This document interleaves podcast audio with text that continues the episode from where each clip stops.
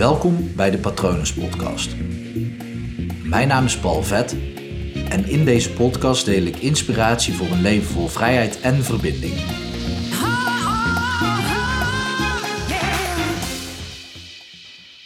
Er is een super eenvoudige manier om ervoor te zorgen dat iemand anders jou aardiger gaat vinden. Of überhaupt aardig gaat vinden.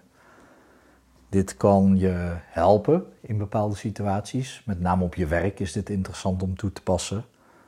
Maar ja, in het dagelijks leven natuurlijk ook.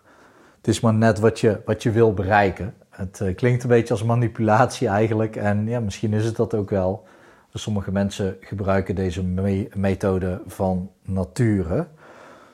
Um, wat het namelijk is, en dat is ook heel logisch dat dat zo werkt, is dat als jij wil dat iemand anders jou aardig gaat vinden, dan moet jij diegene om een kleine gunst vragen.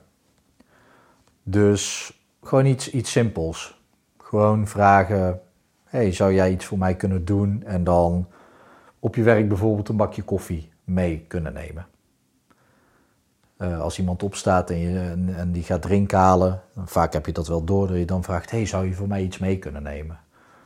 Of uh, hulp vragen. ik, uh, ik zit ergens mee, ik uh, zou een, graag een collega een mail willen sturen, alleen ik weet niet zo goed hoe ik die aan moet pakken, hoe ik die mail moet schrijven of welke toon ik moet gebruiken.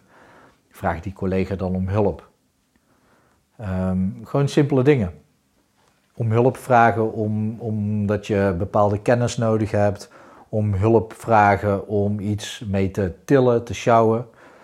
Echt dat soort kleine dingen. Eigenlijk de kleine dingen waar de ander gewoon bijna automatisch ja op gaat zeggen.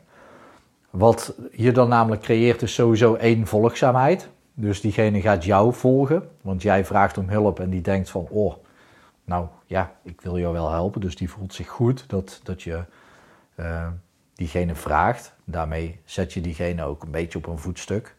Uh, maar feitelijk volgt hij jou, want jij vraagt om hulp en, en de ander volgt jou. Dan krijg je de, ja, uh, de eerste ja van iemand. Dat is ook een ja die verkopers gebruiken. Spreek met uh, die en die. In mijn, in mijn geval, spreek met de heer Vet. Ja. Bent u eigenaar van hypnopal.nl? Ja. woont u op dat en dat adres in Breda? Ja. Nou, elke keer als ik een ja zeg, dan creëer, creëert de verkoper volgzaamheid.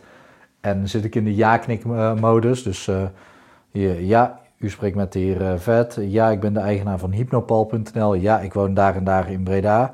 Ja, ik wil uw product zeker kopen. en voor je het weet heb je gewoon ja gezegd uh, tegen een of andere abonnement waar je niks mee kan. Um, maar dan op een moment als, als je dus in die ja-modus zit en je volgt iemand, dan uh, vind je diegene automatisch al een beetje aardiger.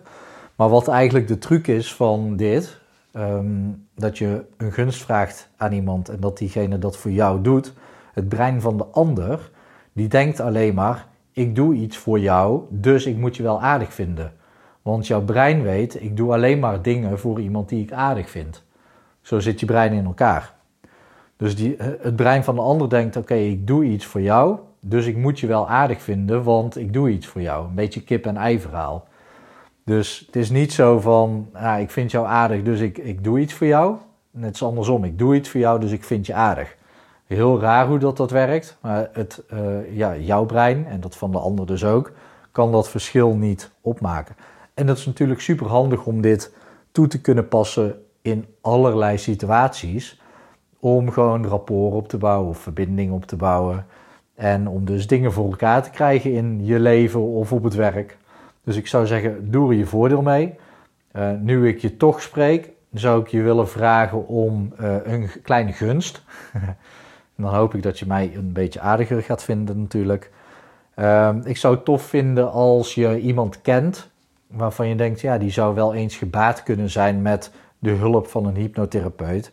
Dus iemand die bijvoorbeeld uh, tegen een verslaving aanloopt of onzeker is over iets, uh, niet goed weet wat hij of zij wil in het leven, die last heeft van angsten, die last heeft van een trauma. Dat uh, vind ik persoonlijk vaak de, uh, ja, het klinkt raar, maar wel de leuke dingen om mee aan de slag te gaan. Want ja, als een trauma wordt opgelost bij iemand, dan ontstaan daar ook vaak hele mooie resultaten uit. Ehm, ja, ik vind het ook heel tof om aan de slag te gaan met mensen die tegen ehm, ja, gewichtsproblemen aanlopen. Vooral omdat ik zelf een gewichtsprobleem heb gehad, dus dat raakt. Ehm, dus ja, dat vind ik super leuk. En psychosomatische klachten vind ik ook heel erg ja, interessant om mee aan de slag te gaan. Dus ken jij iemand die daarbij gebaat zou zijn? Zou je ze dan naar mijn website www.hypnopal.nl kunnen verwijzen? Dat zou ik tof vinden. Als je dan toch bezig bent en je vindt de podcast interessant of leuk, die mag je natuurlijk ook delen. Vind ik ook tof. Of even op volgen klikken bij SoundCloud, Spotify, Apple Podcasts, Stitcher, waar je hem ook maar beluistert. Heel erg bedankt daarvoor. Ik vind jou in ieder geval uh, toch wel aardig, of dat je het nou wel of niet doet. Dus uh, dank je wel. Uh, ik hoop dat het goed met je gaat en ik wens je natuurlijk nog een hele mooie dag toe.